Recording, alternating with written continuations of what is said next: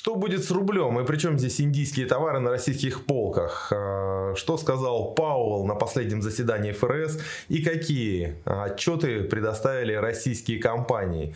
Обо всем об этом сегодня поговорим и посоревнуемся с искусственным интеллектом в наших итогах недели. Добрый день, уважаемые инвесторы. Рад вас приветствовать. Ярослав Кабаков. Тимур Риматуллин. И у нас в гостях Андрей Верников. Поехали. А, Андрей у нас финансовый аналитик. Да. Андрей, мы подводим итоги недели. Угу. Чем запомнилась эта неделя?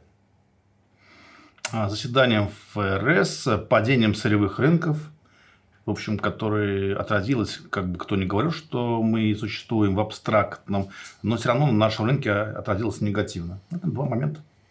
Эти два момента. Тимур, тебе чем запомнился эта неделя? Ну, ФРС все обсуждают, кому не лень, а я бы вот на отчетности компании посмотрел. Э, обрати внимание, средний квартальный курс рубля уже, вот уже ближе к 80 подвигается. Это на 30% больше, чем годом ранее.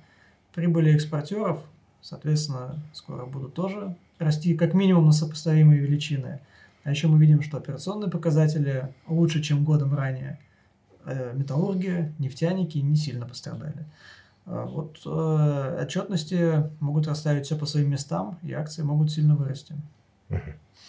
Сильно вырасти. Ну, давайте тогда разбираться. Правда, никто из вас не спросил, чем мне запомнилась эта неделя. Да, всем понятно, что только спекуляциями занимаешься. Э, да, занимаюсь спекуляциями. Более того, я ждал, когда же российский рынок э, проявит коррекционное настроение и в определенной степени этого дождался. Но давайте все по порядку. Начнем тогда заседание ФРС. Андрей, о чем сказал Паул? Вот э, есть несколько дешифровок, вот угу. эти сослагательные наклонения, всевозможные увилки от того, будут ли они значит, повышать в этом году или понижать, или возьмут паузу, все-таки в речи не присутствовало. Как-то по контексту. Да, так бы он тебе и рассказал. Покупай акции или продавай. Это не так просто. Насколько я понимаю, ФРС проводит адаптивную политику денежную. Ему важно, чтобы руки были развязаны. Зачем ему что-то говорить?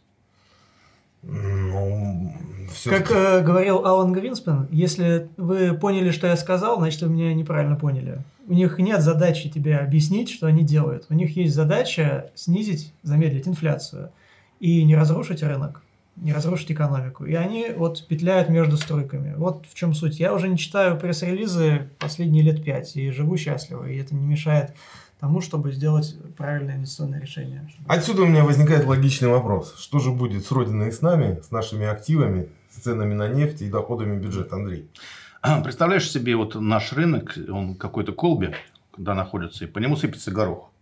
И одна из горошин может эту колбу раз, разбить, вот, и рынку будет плохо. И тут горох не только вот развивающиеся рынки, сырьевые рынки, но тут еще и геополитика. И что мы сейчас сидя в этой студии, мы будем решать, как, какая горошина может разбить. Поэтому я что хочу сказать. Я лично на рынке не работаю по предсказаниям. У меня все очень просто. У меня вот пересеклось, извиняюсь, зона быков, зона медведей. Вот я гоню либо наверх, либо вниз не загадываю о высоких материях и очень сомневаюсь, что можно предсказывать цены на нефть. Очень У вас с Ярославом очень много общего. Ну, по крайней мере, мой портфель в плюсе. Вот там три года в плюсе. Ну, я так. Поэтому те, кто говорит, что я знаю все, меня вызывают большие, я знаю, как куда рынок пойдет, вот по Эллиоту, туда-сюда, вызывают большие у меня вопросы. Почему ты до сих пор не такой богатый, если все знаешь, куда пойдет? Сейчас куда гоним быков и медведей? Я могу сказать только, что я сделал. Я на прошлой неделе закрыл половину «Газпрома». Угу. Потому что из всех моего портфеля это самое было слабое звено. Газпром, к сожалению. Поэтому... А, а почему закрыт? Потому что самое слабое звено. Я видел, что на всех, как бы на всех коррекциях в первую очередь продавали Газпром. И что я после этого буду ждать э, у чуда? А, то есть теханализ чем об этом идет? Ну, теханализ и вижу относительную силу бумаг еще к тому же, mm-hmm. да, и вот поэтому, ну, думаю, остальные бумаги, которые у меня есть, там, Сбер, Полюс, я в них более-менее спокойно сижу. Просто сама доля этих бумаг значительно меньше, там, чем золото у меня. портфель. И это позволяет неспокойно вот эту коррекцию, которая сейчас пошла, она, Катя, не очень сильная коррекция, да, позволяет спокойно переживать. Так, а в чем э, лучше условному среднестатистическому среднесрочному инвестору сейчас сидеть? В кэше, в золоте, в акциях? Ну, всем разные, у нас головы разные, и задачи инвестиционные разные. Кто-то хочет закончить вуз, накопить деньги на вуз, кто-то еще на операцию, кто-то на пенсию. Кто-то хочет поднять бабло. Кто-то хочет разогнать счет к концу года. Хороший вопрос. Вот если деньги не нужны три года и консервативная какая-то политика, то акция, доля акций у меня была процентов 25, не больше. А остальная часть? М? Остальная часть? Остальная облигации у меня короткие облигации. И фонд золота, и еще кроме золота, поставочное золото. А фонд какой? Ну, неважно, фонд одного банка. Не будем Интересно. рекламировать. Ну, э, что могу добавить? Надеюсь, нашу колбу никто не разобьет и ничего не разольется, что в ней находится. Был смешной случай, ребята. На киевское метро. Знаете, есть такой аналитик известный Владимир Левченко. Конечно. И вот я иду, я купил только что слитки серебряные, и иду с этими слитками, и тут Левченко встречает, ну, совпадение. Тоже со слитками. Нет, и он говорит, что так плохо в стране будет. Я говорю, нет, Володь, все нормально, на всякий случай купил слиточков. Ну, не волнуйся. Ну, я помню высказывание Тимофея Мартынова в 2008 году о том, что он покупает золото. И э, когда случится вот результаты этого кризиса, мы потом будем обменивать эти кусочки золота на еду. Ну, вот такие были. Мы, э, я все-таки считаю, что в такой кризис, когда ты будешь золото обменивать на еду, лучше все-таки инвестировать э, в тушенку. Лучше инвестировать сразу в еду. Ну, это уже на любителя вопрос, будут ли э, бумаги в этот вот момент. Этот фонд хороший, который банк, он ничего что дал. Я покупал в прошлом году, я сыграл на ослабление рубля и на росте золота. Угу. То есть помножить на два. А почему не контракт на Мосбирже рублевое золото? Ну, я тоже и купил. Ну, там, по, по-моему, брокеру там комиссия полтора процента на вход. И Потому что выход. все помнят, что бывает с контрактами на Мосбирже при отрицательных ценах на нефть. И еще вопрос. Ну, это, это прямой контракт, ну, то есть это не фьючерс. Еще вопрос. Там еще до сих пор решается вопрос с поставками этих 20-граммовых плиток серебра. Ой, золота, простите то хотелось бы тоже, чтобы вышли на поставки реального металла.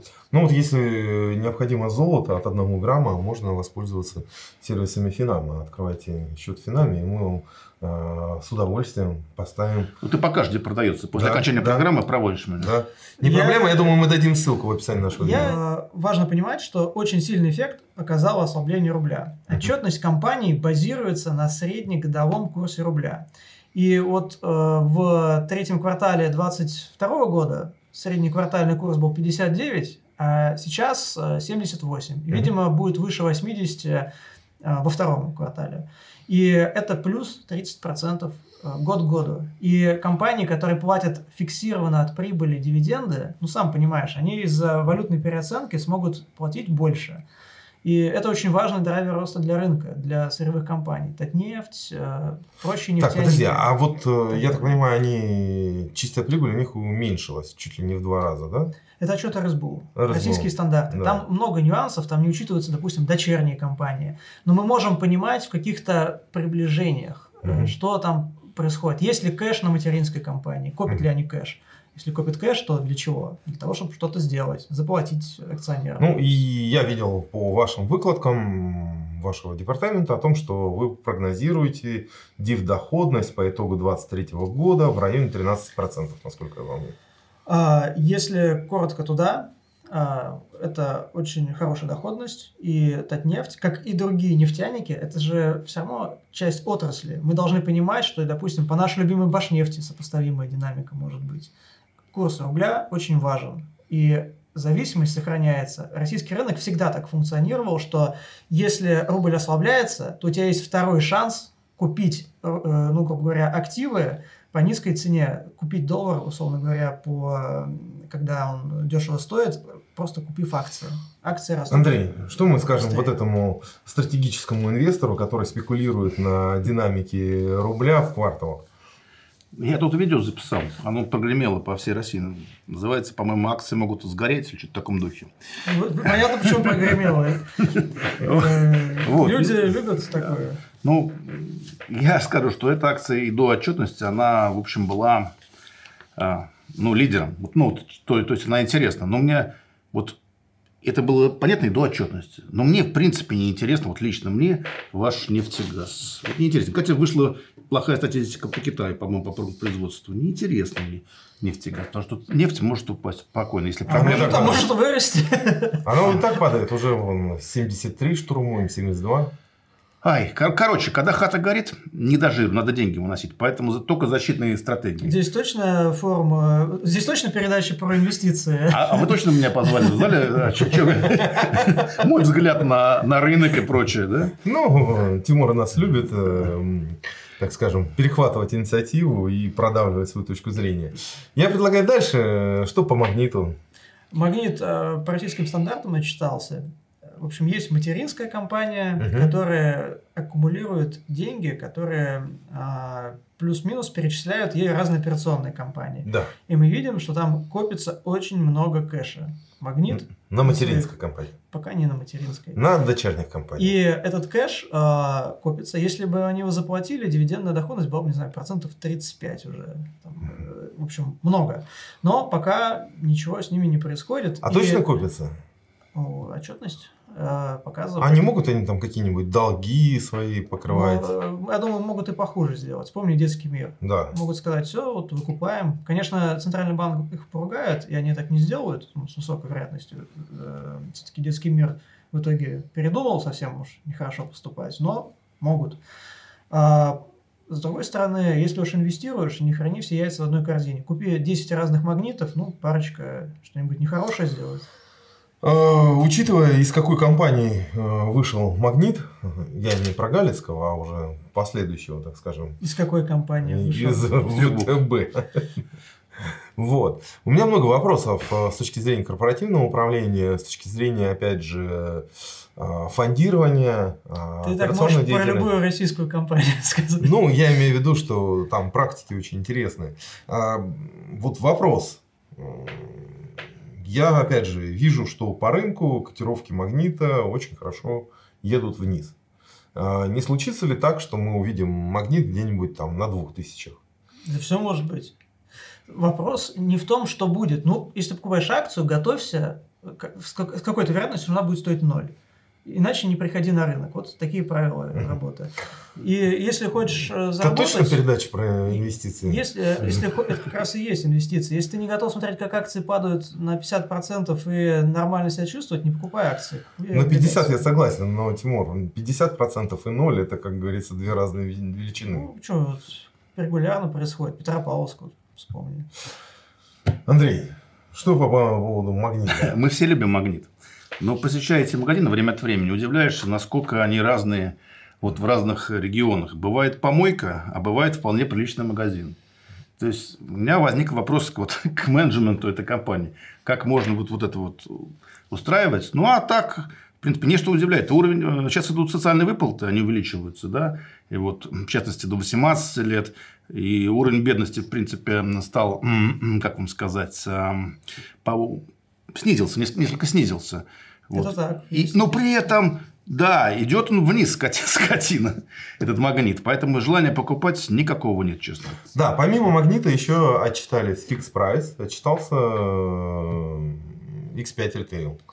Депозитарные расписки. Там, ну, да. И там, там, знаешь, как там сначала проблемы с расписками, а уже потом отчетность. Есть... Да, ну я имею в виду, что можно посмотреть э, на э, операционные потоки э, и X5, и Fix Price. И в этом отношении очень удивительно. Ну, во-первых, у Fix Price там была очень хорошая база прошлого года, да, и они сейчас, так скажем, Эм, функционируют э, и соотносят свои результаты к прошлому году, все не очень, так скажем, э, динамично, нежели чем у X5. Э, ну, тут вопрос уже к макроэкономике. Есть данные макростатистики. Мы видим безработица на исторических минимумах, зарплаты растут, ну, доходы в связи с известными выплатами социальными. Реально располагаемые доходы за а последний их, квартал их, выросли их, на одну сотую. Да, их считают э, поквартально. Последние э, периоды их не считают ежемесячно. Ну и, соответственно, есть ожидание, что будут ускоряться. Есть э, предпосылки. Поэтому потребсектор должен что-то занимать в портфель какой-то. Андрей, что делаем с магнитом?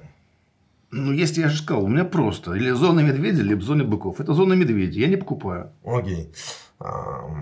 Продолжаем. Что у вас еще, а, Тимур, с точки зрения отчетности? А, есть очень интересная статистика по металлургам. Как известно, они не отчитываются полноценно, не раскрывают финансовые показатели, но въедливые аналитики смотрят и расчеты ведут Да, отгадаю. Ты хочешь сказать, что у металлургов все хорошо? У металлургов все очень хорошо. То есть у них не падает производство и ослабляется рубль.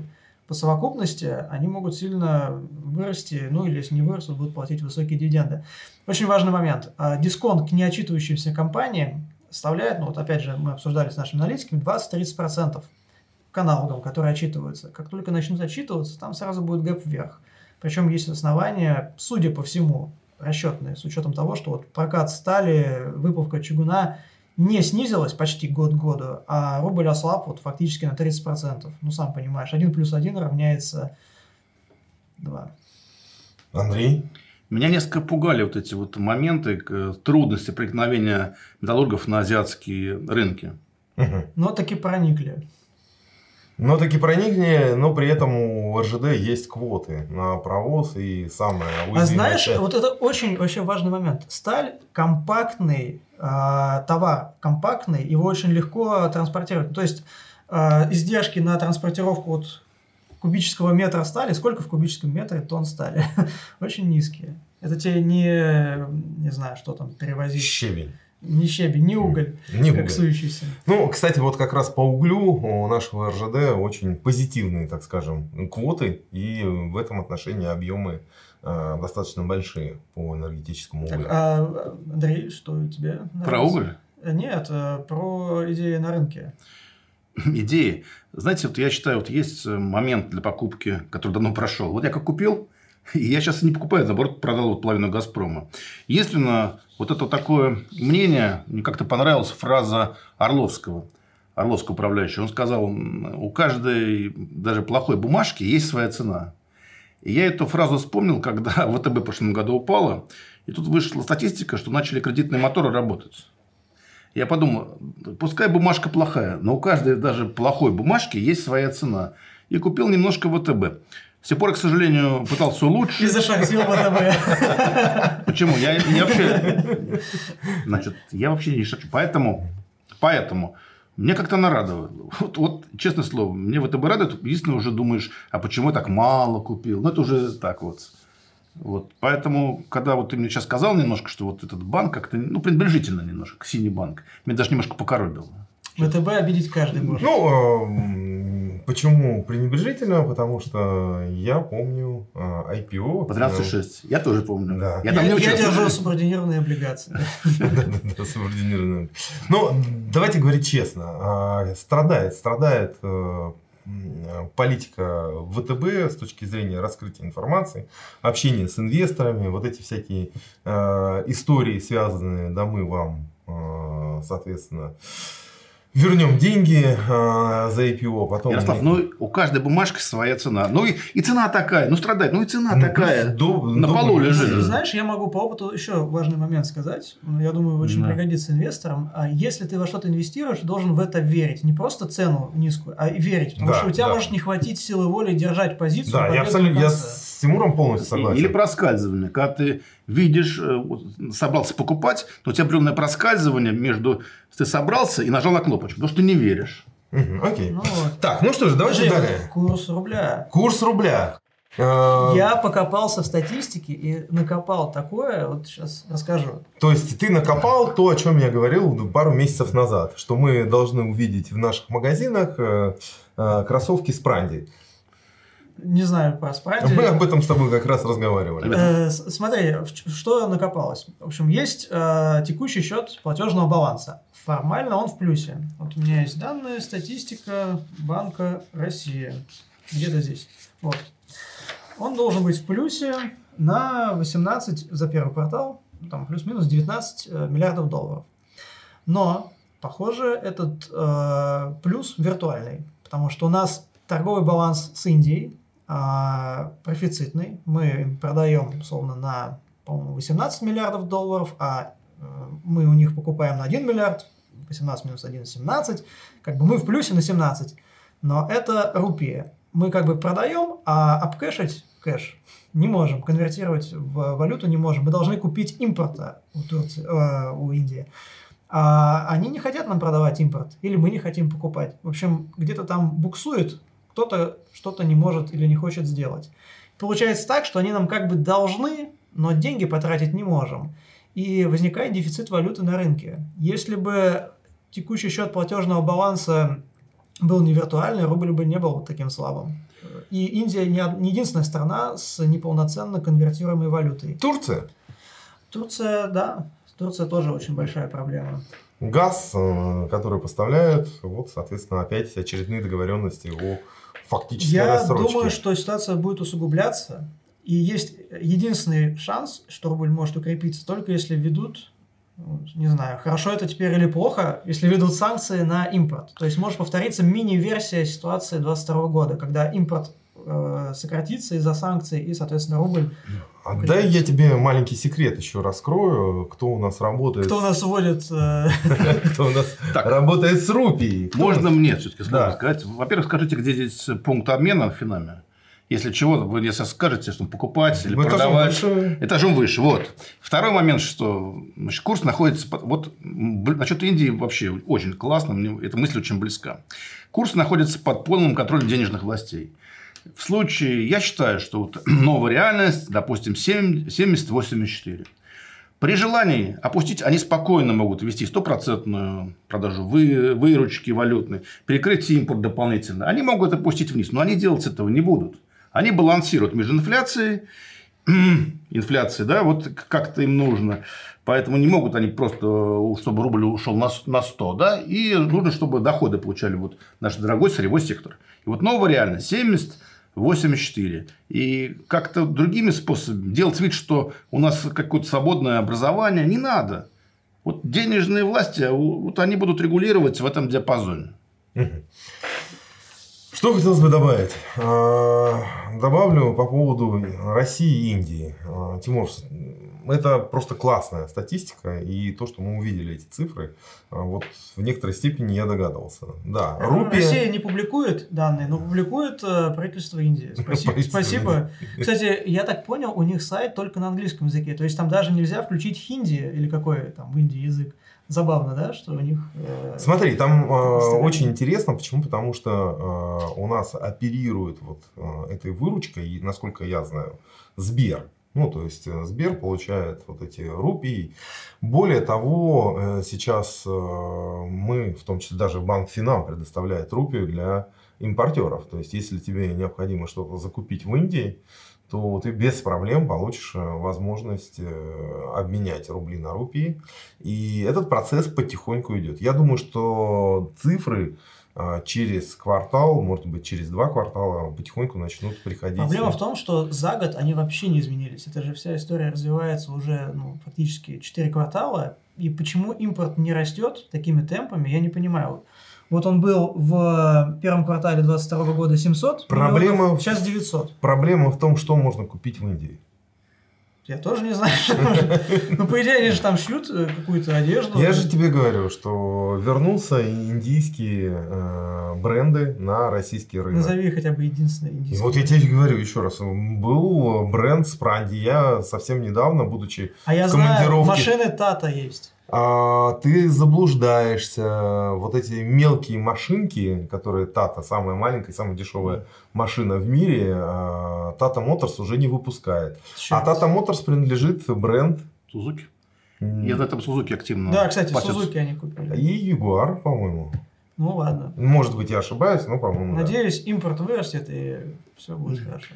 Я как бы попрощался с крепким рублем после того, как Набиулина на последнем задании ЦБ так сказала, ну, к сожалению, инфляция будет в втором увеличиваться. Но я понял, никто особенно сдерживаться не будет, рубль. Так. Давайте какие-нибудь прогнозы дадим. Давайте прогнозы дадим. А, Тимур, какие твои э, лучшие бумаги на ближайшей перспективе? Я, конечно, понимаю, что... А, ну, у меня горизонт год плюс. Mm-hmm. Вот, и мои топ-3 бумаги в России – это Сбер, это, пожалуй, Татнефть и НЛМК. Mm-hmm. Андрей? Мой пафос понят, что я на акции российские не молюсь. Не молюсь. Мои ну, топ-идеи такие же, но в шорт. Но, но шорт вообще тема, тема очень опасна. Но если уже мне руки вывернули, сказали, давайте локацию в акции, то у меня полюс, у меня Сбербанк, ну и немножечко ВТБ. Вот. А что касается на год, на год, что мы не знаем, что в конце месяца будет. Окей, а, так, у меня а... более краткосрочный да. период, но а, из текущей конъюнктуры отмечу акции Ростелекома, которые не сильно проседают на фоне коррекции. Ну, Более того, в начале года, да, я еще говорил на интервью Invest Future о том, что Ростелеком выглядит интересно в этом году. Дальше, защитные инструменты по американскому рынку. Все-таки, я считаю, надо э, товары, э, компании, которые э, товары потребительского спроса, э, Procter Gamble, Coca-Cola и так далее. Все, кто достаточно быстро перекладывают э, издержки на потребителя. А, энергетика, опять же, достаточно консервативная, какой-нибудь Duke Energy и так далее. Но я бы, наверное, по российскому рынку еще выделил бы тот же самый Positive Technologies. Я все-таки ожидаю, что геополитические факторы привнесут турбулентности на российский рынок. И даже бы рассмотрел краткосрочно шорт по российскому рынку, да, учитывая, что а, будет диф-отсечка по Сберу, и несмотря на твое мнение, что диф-отсечка по Сберу будет меньше... Э, Я это говорил дивиденд. до того, как он подорожал. Когда он стоил ниже капитала, по законам финансового менеджмента статистически такое может быть. Если он стоит выше капитала, то шансы ниже. Окей, поэтому я считаю, что геополитика, диф-отсечка по Сберу, Э, привнесут турбулентности из защитных инструментов, как это ни странно, э, вот выбрал бы более такие интересные истории. Интересно. Ну, да, и, кстати, посмотрел бы внимательно на Яндекс с учетом... Это уже четвертая идея, Ярослав, все, мы только три. Подожди, у меня еще десяток есть. А по курсу рубля? По курсу рубля я считаю, что мы будем сейчас э, укрепляться, учитывая действия ЦБ по эм, вопросам, связанным с выходом иностранных инвесторов из российских активов. Они а, предписывают теперь иностранцам покупать доллары и юани не сразу в один день и не бежать сломя голову, а частями. Это первый момент. Второй момент, а, на мой взгляд, мы сейчас отыгрываем все-таки приток а, иностран э, ликвидности от продажи углеводородов и вот опять же исчисление налогов которая сейчас по новой схеме а, в конце mm-hmm. месяца а, достаточно сильно меняет вот эту картинку, а, которую мы видели в начале года. Поэтому я не исключаю, что мы можем уйти и куда-нибудь там на 76 по рублю. Опять же, это чисто спекулятивно в рамках вот ближайших недель. Но повторюсь, да, вот с тобой полностью согласен, что если там страны Запада примут определенные действия по ограничению э, экспорта в Россию, а, рубль может еще больше укрепиться. Импорта. Ну, с их стороны. Да, да. да. Ну, да, я, я считаю, что может быть и 70, если импорт там сильно подрежет. Если ничего не изменится, только за счет истончения баланса, может быть и выше 90 к концу года. Так, э, господа, у меня есть для вас сюрприз. Сюрприз э, в окончании нашего с вами наших итогов. Э, Финам запустил AI Screener. Из скринер, надеюсь, э, Тимур, ты уже зашел посмотреть. Да, да ты посмотрел. Мы Андрею тогда покажем и попросим его прокомментировать. Здесь горизонт инвестирования 12 месяцев. Вот, пожалуйста, потенциально самые интересные бумаги. Опять же, в рамках потенциала роста падения. Что такое скринер? Он отбирает бумаги по... У кого? да, да, да. Он ходит по рынку, отбирает бумаги, и тому, кто им пользуется, он его, соответственно... Ну, в общем, робот, который за место аналитика формирует тебе портфель, который можно рассматривать. не формирует портфель, он а, формирует некий рейтинг а, своего отношения, в том числе можно посмотреть рейтинги, а, которые присваивают аналитики, и сравнить вот... Ну, что такое робоаналитик? Ну, я бы даже сказал бы, это некая а, сейчас диагностика, позволяющая а, инвестору задуматься о тех или иных бумагах. И я хотел ваше мнение, прокомментируйте вот хотя бы первые три бумаги. А, ну, я сейчас без очков. Я вижу, что там есть Фосагра, Химпром, Акрон. Почему акции третьего эшелона в топе? Что за непорядок? Я не понимаю наличие третьего эшелона, но вижу, что по коэффициентам, я так понимаю, разные факторы он взвешивает, и это разумный подход. Вот вижу некоторые фундаментальные параметры оценивает. В целом интересно, но берите третий эшелон. Андрей? Я не готов, ребят, третий эшелон в свой портфель. Да я даже второй не готов. Но идея интересная. Отлично. Ну что же, наши аналитики испугались э, сравнить свои финансовые результаты с предложенными бумагами э, скринера, а мы через год подведем итоги, у кого получилось лучше инвестировать. Но я сказал, что идея хорошая, поэтому через год ты не прищучишь. Никак. Ну, на этом мы заканчиваем наши, э, наши итоги недели. Всем удачных инвестиций. Пока. До свидания.